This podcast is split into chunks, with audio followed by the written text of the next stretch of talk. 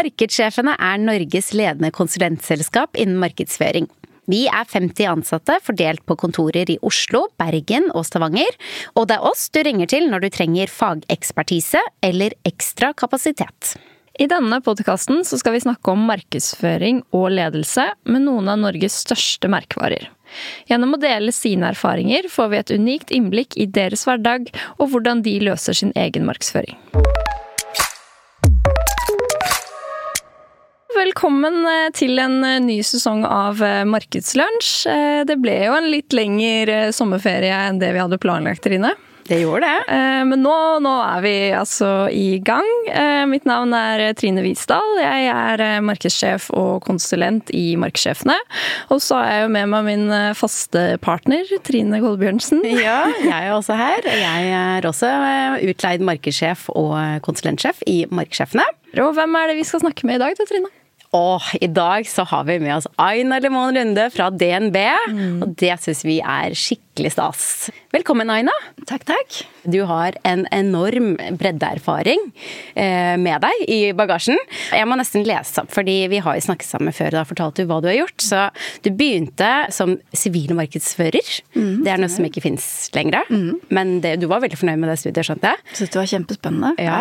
Og før det så har du jo fått markedsføring inn med morsmelken, holdt jeg på å si. Ja, det har jeg. Vokst opp i et marketingbyrå. To foreldre som gründa det ganske tidlig. Så da fikk jeg prøve meg på alt man trenger i et sånt type byrå på den tiden. Fra å være, være ja, bud til å rigge til eventer og ja, alle ymse oppgaver som fantes på den tida. Virkelig mm. jobbet deg fra, fra gulvet oppover innenfor markedsføring. Og så etter uh, utdanningen din så var det videre til Leo Burnett, Coca-Cola, Burson Marsteller, Warner. Bryggeriforeningen. Den kom litt overraskende på meg, faktisk. ja, ja, det var spennende, ja. og så var det videre til PR-operatørene. Eh, du har også undervist i kommunikasjonsledelse på BI. Mm. skrevet fagbøker. Mm. Og nå jobber du da i DNB, og der begynte du som kreativ eh, leder gikk videre til å bli konstituert markedsdirektør, og nå i dag så jobber du under tittelen direktør for konsern, merkevare, marked og salg i DNB altså. Ja, ja. stemmer. Ja. Kort og godt. Kort og godt, ja. Den, den var eh, Man tar sats for den. ja, man må det. Men det, det, er jo fantastisk å ha deg med, for du har et så overordnet fugleblikk på både markedsføringsbransjen og hva som rører seg i dag, og hvordan vi har kommet eh, til det punktet vi er i dag. Mm. Så du har jo masse erfaring som du skal dele i dag.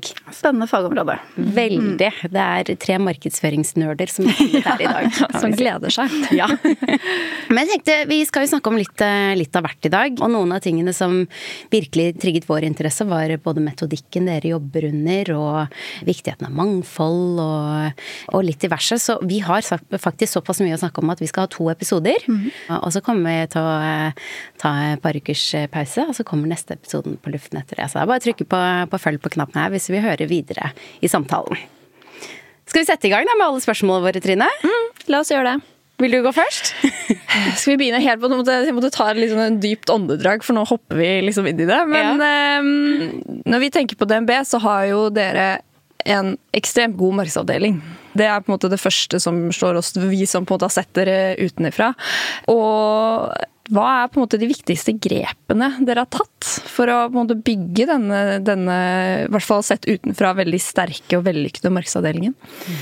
Jeg tenker eh, Noe av kanskje grunnfilosofien, da, man skal kalle det det, det er jo at eh, du skal bruke hele marketingfaget. For hvis man tenker på marketing, så er det veldig mange som veldig fort på en måte avgrenser det til kommunikasjon eller markedskommunikasjon. Men det er jo også med referanse til studiet som du nevnte som jeg var så glad i, da, som ikke finnes lenger for så vidt. Men det, det er jo at der startet man med å se bredden i marketingfaget. Man hadde sånn type to vekttall i alt. Eh, om det var logistikk logistikk, statistikk, bedriftsøkonomi, psykologi. Det er et ekstremt bredt fagfelt. Og det er også litt av grunntanken vår, at vi skal klare å ha den bredden med oss inn i arbeidet. Det betyr jo også at du tenker veldig mye på eh, de delene av verdikjedene som du ikke nødvendigvis sitter midt i selv, men at du ser potensialet også på andre områder. Eh, og det er litt av grunnfilosofien vår. Og da kan man jo dra det helt ned til liksom de klassiske fire p-ene og tenke at eh, når vi skal jobbe med markedsføring, markedsføring, så skal vi tenke på pris og produkt og distribusjon, eh, og selvfølgelig promotion-delen i tillegg. Så den tenker jeg ligger til, til, grunn for det. Noe av det som også har vært viktig for oss, det har vært også, Det høres litt kjedelig ut, men det har vært å bygge opp mye strukturkapital. Det har vært å etablere gode arbeidsprosesser, gode fagprinsipper vi investerer en del i læring, og en del av den læringen er rett og slett å bare systematisk lære hverandre. At vi, vi har marketing reviews som handler om at hvert kvartal skal vi bare ta ut hva lærte vi mest av sist kvartal, og så deler vi med hverandre. Og så prøver vi å trekke ut teorier og prinsipper av det vi gjør, altså bygge om empirien vår. Da får vi en ganske sånn stødig grunnmur å stå på. Og så har vi også en filosofi at på toppen av det så skal vi hele tiden eh, videreutvikle oss og innovere. Mm. Ja, det er båndplanken for, for mye av markedsarbeidet i DNB. Og det å innovere og utvikle seg, det blir vel også da enklere ja. når dere har denne grunnstrukturen? Det hjelper veldig. For, vi, har, vi, har, en sånn filosofi hvor vi sier, vi, vi, vi kaller det bare 50-25-25. Så sier vi at 50% av det vi bruker tiden vår på, det skal være ting vi kan veldig godt. Har gjort det før, det er liten risiko, det er liksom Det er driften vår. Mm. 25% det skal være rett og slett at vi tar til oss læring fra andre. At vi er nysgjerrige og speider utover. Og så prøver vi å se hvordan blir det hvis vi gjør det på vår måte.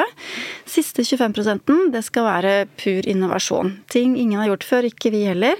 Da er det høyere risiko, for det er, liksom, det er jo ingen som har prøvd det, så det er stor sjanse for at det går gærent. Men samtidig, hvis vi lykkes, så har vi på en måte klart å bevege oss veldig langt framover. Og for å få til å ha en såpass tross alt stor andel eh, innovasjon og nybrottsarbeid, så trenger vi å ha den grunnmuren å stå på, som bl.a. betyr at vi klarer å absorbere læringen. Vi klarer å måle. Det er så et av fagprinsippene våre handler veldig mye om måling og justere sånn at vi kan, når vi tester nye ting, enten stoppe det i tide, hvis vi sier at dette funker jo ikke. Eh, eller justere kursen, eller forsterke hvis vi ser at det går bra. Og jeg tror det har vært mye vanskeligere for oss å ha så stor andel innovasjon hvis vi ikke hadde hatt den strukturen i bunn. Og så kan den gjøres mer eller mindre avansert. altså Det kan høres liksom veldig sånn komplisert ut, men, men, eh, men, man på en måte må bare tilpasse det der man er. Men det å liksom prøve å sette sette læring og erfaring i system. Det har i hvert fall vi eh, på en måte kjent at det har vært viktig for oss. Ja, for jeg tenker Det er jo der dere kanskje skiller dere ut, da. For det er sånn som du sier 50-25-25 og sånne ting. Det er jo Jeg føler det er noe man ofte kan ha hørt på foredrag og sånn, og som man mm. tenker at ja, men det skal jeg også gjøre i, i min eh, bedrift. Og vi skal også aktivt jobbe med læring og innovasjon og se på hva vi gjør, analysere mål, og selvfølgelig gjør mange det. Mm. Men så er det også veldig lett å bli fanga i hverdagen og alle alle disse kampanjene som skal på, og så plutselig har det gått to år. Mm. Så var det sånn Ja, hva var den 50-25-25 som vi snakket om ja. igjen? Så det er jo litt som du sier, da, at man må kanskje en, være veldig, veldig tydelig på metodikken på hvordan man jobber, mm. for å sikre at dette blir gjort. Da. Det tror jeg, altså. Og det å lage litt sånn milepæler ut av det også. Så, så, det å si at ja, men hvert kvartal skal vi stoppe opp, og så skal vi ta Som regel så er det ikke låst det, men altså det er låst hvert kvartal, men vi skal som regel tar rundt tre cases som vi skal se læringen. Og da er det egentlig akkurat det samme om det caset gikk veldig bra eller veldig dårlig, eller sånn midt på treet, men det skal være det caset vi lærte mest av. Hvis vi ikke hadde satt det i system hvert kvartal, så tror jeg akkurat som du beskriver der, at da hadde bare hverdagen tatt oss. Mm. Men de er litt sånn hellige. De må vi bruke tid eh, på, da, på å trekke ut den læringen. Sånn sett så har vi også satt på en måte noe vi kaller marketing masterclass i system. Det er liksom vår egen skole som vi har én gang i året. Da samles alle som jobber med markedsføring Eh, og så går vi egentlig Den er litt todelt. Vi går litt tilbake til røttene, og så ser vi på hva er det som er konstant i markedsføring, som alle bør kjenne til. Eh, det kan handle om de fire p-ene, det kan handle om Maslow, det, altså sånn mye psykologi. Altså menneskesinnet har jo ikke endret seg så drastisk. Det kan være sånn markedsmekanismer som er mer varige. Så alle kjenner det. Og så legger vi alltid til og hva er det som er radikalt nytt, som vi må være nysgjerrig på. Nå vil jo det typisk være kanskje generativ AI. Og så setter vi sammen et sånt læringsprogram, primært med egne krefter. Noen ganger så inviterer vi gjester, for vi liker jo å bytte litt erfaring med folk, så vi liksom gjerne gjester hverandre for å dele erfaringer. Og så passer vi på at vi på den måten hvert år får løfta oss også litt faglig. Men det er også sånn som fort blir salderingspost i hverdagen, så derfor så er den også helt sånn Den skal vi gjøre én gang i året på omtrent samme tid fast, da. Mm. Marketing masterclass. Dere er 130 personer i markedsavdelingen. Mm. Jeg har eh, akkurat ryddet i i vår egen fagmappe. Og du sier også at markedsføringsfaget er bredt. Vi endte opp med 24 undermapper i denne fagmappen fordi vi hadde ett tema per mappe. Så fagfeltet vårt er enormt svært. Mm, det er det. 130 personer i en markedsavdeling. Hvordan har dere organisert dere for å få til dette fantastiske arbeidet dere gjør? Altså du kan si at i, i, praksis er vi på mange måter hva du ville kalt sånn fire markedsavdelinger. Det er, det er, fire seksjoner som er litt sånn full stack i forhold til å kunne jobbe primært med digital markedsføring. Så har de litt eh, de, de, de, er ikke helt identiske, for de har litt ulikt tyngdepunkt avhengig av hvilket område de skal dekke. Og de, de, jobber jo på litt ulike markeder og med litt ulike former for markedsføring. Eh, en seksjon f.eks. jobber jo med B2B eh, og er rigget deretter med de virkemidlene man trenger for å kunne gjøre det på en ok måte. Noen andre dekker f.eks. personmarked og boliglån. Noen skal dekke et segment, f.eks. ungsegment osv. Så sånn at men man har det man i stor grad trenger innenfor digital markedsføring for å kunne dekke sitt område, ansvarsområde. I tillegg til det så har vi jo det vi kaller DNB Creative, som er eh, kanskje best eh, sammenlignet med å kalle det vårt innholdsbyrå. Mm. Som kan produsere alt av innhold fra tekst og film og foto til eventer, diamerch, uniformer, altså alt man eh, skulle kunne trenge der. Og det er også de som har byråansvaret. Så, for vi har jo også mange flinke samarbeidspartnere eksternt, og da er det de som har hovedansvaret for dem. Så har vi en seksjon som heter Customer Experience, og de har ansvaret for kanalene til eh, DNB, altså mobilbanken og nettbanken på liksom åpne og innloggede sider. Ehm, de har også fagansvaret for flere av marketingdisiplinene, som på en måte da fungerer i fagansvaret og jobber på tvers. Sånn at vi har én way of work og sterke fagcommunities, ehm, liksom litt uavhengig av hvilket segment man jobber mot. Og så har de også fagansvaret for generativ AI, og deriblant også AI-trenerne, som trener roboter. Roboten AI nå. Mm. Ja, det er gøy at du det, da. ja. det er veldig hyggelig. Litt forvirrende. Eh, I tillegg til det så har vi jo um, det som heter merkevare og analyse. Der ligger merkevareansvaret også som fagområde og etterlevelse. For det, det å etterleve en merkevare handler jo også om, eh, om alle menneskene. Så mm. hvordan på en måte hjelper man å dekode en merkevare eh, for alle som skal jobbe med det samme man jobber med produktutvikling eller kundekontakt, eller sånn føler at man kanskje jobber med backoffice, så jobber man fortsatt med merkevare. Mm. Så da handler det om, om, egentlig å spille folk gode i, i den etterlevelsen av merkevaren. Men det er også innsiktsavdelingen som jobber med markedsanalyse, webanalyse, som er alt i utgangspunktet for alt vi gjør, egentlig. Mm. Og så har vi det som heter um, PM Data, mm. og der jobber da Data Stewards og Data Scientists som rett og slett er liksom hele kjernen av eh, innsikten vi har, da, sånn at vi virkelig kjenner eh, kundene våre. I tillegg så er det også sånn at sånn, type salgsaktiviteter og salgsstyring, da, i tillegg til det digitale salget, men samspillet med, med, distribusjon for øvrig, også er en del av marked, som jo gjør at man kommer veldig tett også på øvrig distribusjon. Ah, litt av en, ja, en avdeling. litt av en avdeling, ja. Men uh, altså, Sover du noen timer i døgnet, eller hva?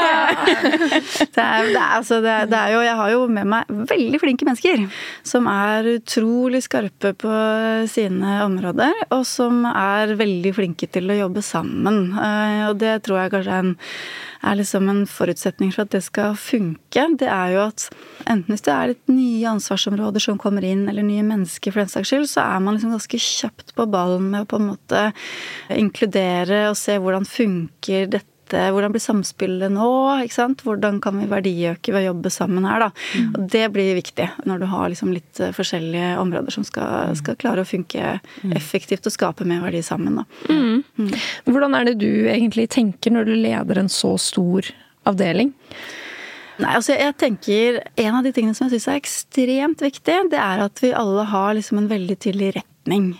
Og at vi kjenner på liksom sånn eh, dypt og inderlig at vi har lyst til å få til noe sammen, og vi vet i fellesskap hva det er, og vi eier det i fellesskap. Mm. Og vi, vi, bruker en del det begrepet børs og katedral. Eh, og det handler egentlig om at eh, vi, vi eier de kommersielle målene sammen. Og så eier vi også samfunnsansvarsmålene sammen. Og så jobber vi veldig hardt med å få de til å henge tett, tett sammen. For da har vi veldig sterke drivkrefter som liksom drar oss i samme retning. Mm. Så det som er samfunnsansvarlig, skal være kommersielt lønnsomt. Det kommersielle vi gjør, skal også være samfunnsansvarlig. Mm. Og der tror jeg det ligger utrolig mye motivasjon, da. Fordi man kjenner at man er liksom med på å utgjøre en positiv forskjell, i tillegg til å skape kommersielle resultater. Så den retningen tenker jeg er viktig. Mm. Når, når, du leder en sånn eh, fin gjeng, så tenker jeg også det som jeg sa litt innledningsvis, at jeg, jeg tror veldig på det å ha en god infrastruktur. Da er det lettere for folk å virke sammen. Man får lagd en sånn felles grunnmur. Man har noen felles referansepunkter så man ikke alltid snakker forbi hverandre og sånne ting. Mm. Og så tenker jeg at noe av det som er utrolig viktig, det er å lage den kulturen for læring. Og det er å lage den kulturen hvor du skaper et veldig godt rom for å klare å nyttiggjøre deg av veldig mange ulike perspektiv og kompetanse og erfaring. Og det er det som for meg også er litt, litt sånn Eh, man, av og til når man snakker om mangfold, så blir man nesten litt sånn Det ordet blir brukt så mye at man nesten ikke hører lenger egentlig hva det mm. betyr. For meg handler det veldig mye om å lage rom for at folk har med seg ulik livserfaring, og at man kan få bruke hele seg og hele den på jobb. Og på den måten også være med på å spille hverandre gode. Mm. Og det er kulturjobbing. Men liksom disse komponentene sammen, så tenker jeg at man i hvert fall har en mulighet for å få til et veldig fint samspill. Nei, det med mangfold, jeg er så enig i det. Det er det alt man har med seg i sekken. Mange fasetter, ja. Det er alt ja. man har med seg. Eh, og at du også skal kjenne at eh, det kan jeg ta med på jobb, mm. og, være hele meg. Og så at man også ser at det er ekstremt verdifullt. Mm. Men det betyr også litt sånn i praksis at du må, eh, du må lage rom for at folk er veldig ulike. Og, og at man liksom lager sånn gode arenaer for at du får spille ut det som en styrke, da. Mm. Mer enn at noen må liksom sitte og kjenne veldig på at de må tilpasse seg veldig. Ja, mm. God filosofi. Ja, jeg må spole tilbake litt, fordi du sa noe som jeg, synes var, som jeg har lyst til å pirke litt borti. Du sa dette med merkevaren og det at den skal tas ut i alle ledd av mm. avdelingen og bedriften, for så vidt. Dette er en problemstilling vi ofte støter på ute hos eh, kunder. Og noen har en merkevarestrategi. Noen har en merkevarestrategi som er kanskje 100 sider lang. Mm. Eh, andre har en som er veldig kort, men ikke helt klart å ta den ut. Hvordan Sånn helt konkret, hvordan er det dere har gjort det? Har dere en enkel strategi som alle vet om? Eh, snakker dere ofte om det? Hva gjør dere mm. for å dra ut merkevaren? Altså det ene er at merkevaren nå er en del av konsernstrategien. Det er viktig. Det er veldig viktig, fordi det, det er med på å sette retning for veldig, veldig mange. Og så tenker jeg at det grunnarbeidet som ligger under den merkevaren, det er ganske omfattende. Det er ekstremt mye analysearbeid, det er innsikt som vi hele tiden jobber med å oppdatere, det er satt sammen av mange kilder. Det tenker jeg det trenger ikke alle å forholde seg til. Så vi prøver å destillere det til, til en sånn så tydelig essens som overhodet mulig. Og så tenker vi hva er viktig for folk å vite? Alt skal være tilgjengelig hvis man har lyst til å dypdykke eller trenger å forstå liksom, hvorfor ble det sånn, hvorfor har vi tatt det valget og sånne ting. Men, men, i hverdagen så skal det være veldig håndgripelig og konkret. Der jeg opplever at vi har i hvert fall gjort litt sånn erfaring på egen del, er at vi har måttet jobbe mye mer med oversettelsen av hva betyr det egentlig, for at det ikke skal bli tomme, men fine ord i en merkevarestrategi. Så derfor så jobber vi ganske sånn systematisk og tett med de helt forskjellige områder i banken, med å se hvordan kan dette området gjøre merkevaren levende hos seg. Og det vil jo variere litt. Hvis eh, jobben din f.eks. er å snakke med kunder hver dag, så er det én måte å leve ut merkevaren på. Og da må vi oversette litt. Hva betyr kundeløftene? Hva betyr profilen og verdiene våre? Helt konkret. Det kan være guider til hvordan samtalen er, det kan være hvordan vi setter folk i stand til å kjenne kundene. Det er én måte å oversette det på. En helt annen oversettelse vil det f.eks. være hvis du jobber med produktutvikling. Da kan det hende at du sitter og kjenner på at ja, men jeg møter jo ikke kundene direkte. Nei, men eh, hva du gjør på produktutvikling er jo helt essensielt i forhold til hvor sterk eller svak merkevare vi får. Men da må vi kanskje gå inn og se hvordan tar vi ut kundeløftene profilen da i hvilke produkter vi har, hvordan produktene er, hvordan de brukes av kundene. Og så må vi rett og slett gjøre den tilpasningen område for område. Det som er fint med det, det er at da eier alle merkevaren. Eh, alle jobber med samme merkevare, men man gjør det på sin måte, så man faktisk klarer å operasjonalisere den. Hvis ikke så blir merkevaren noe som bare er forbeholdt markedsavdelingen, og som bare markedsavdelingen egentlig kan og følger opp.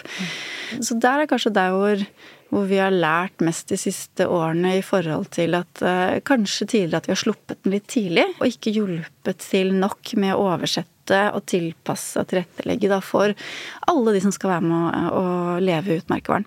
Jeg liker det ordet å oversette merkevaren, mm. fordi vi ofte så bruker man jo implementere, eksekvere, og det er jo mange Det er fine ja, ord, ja, ja. men det er jo egentlig det man gjør. Det er å mm. oversette til For det er jo forskjellig stammespråk i hver mm. avdeling, og forstå, forskjellig forståelse av hva det er. Mm.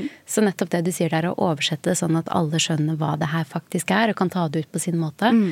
den tenker jeg, den skal i hvert fall jeg ta med meg videre i, i hverdagen.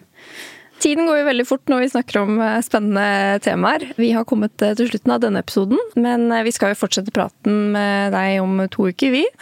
Hvis dere vil få med dere det, så må dere trykke på følg-knappen på Spotify, og så høres vi igjen om to uker. Det er vi. Ha det bra.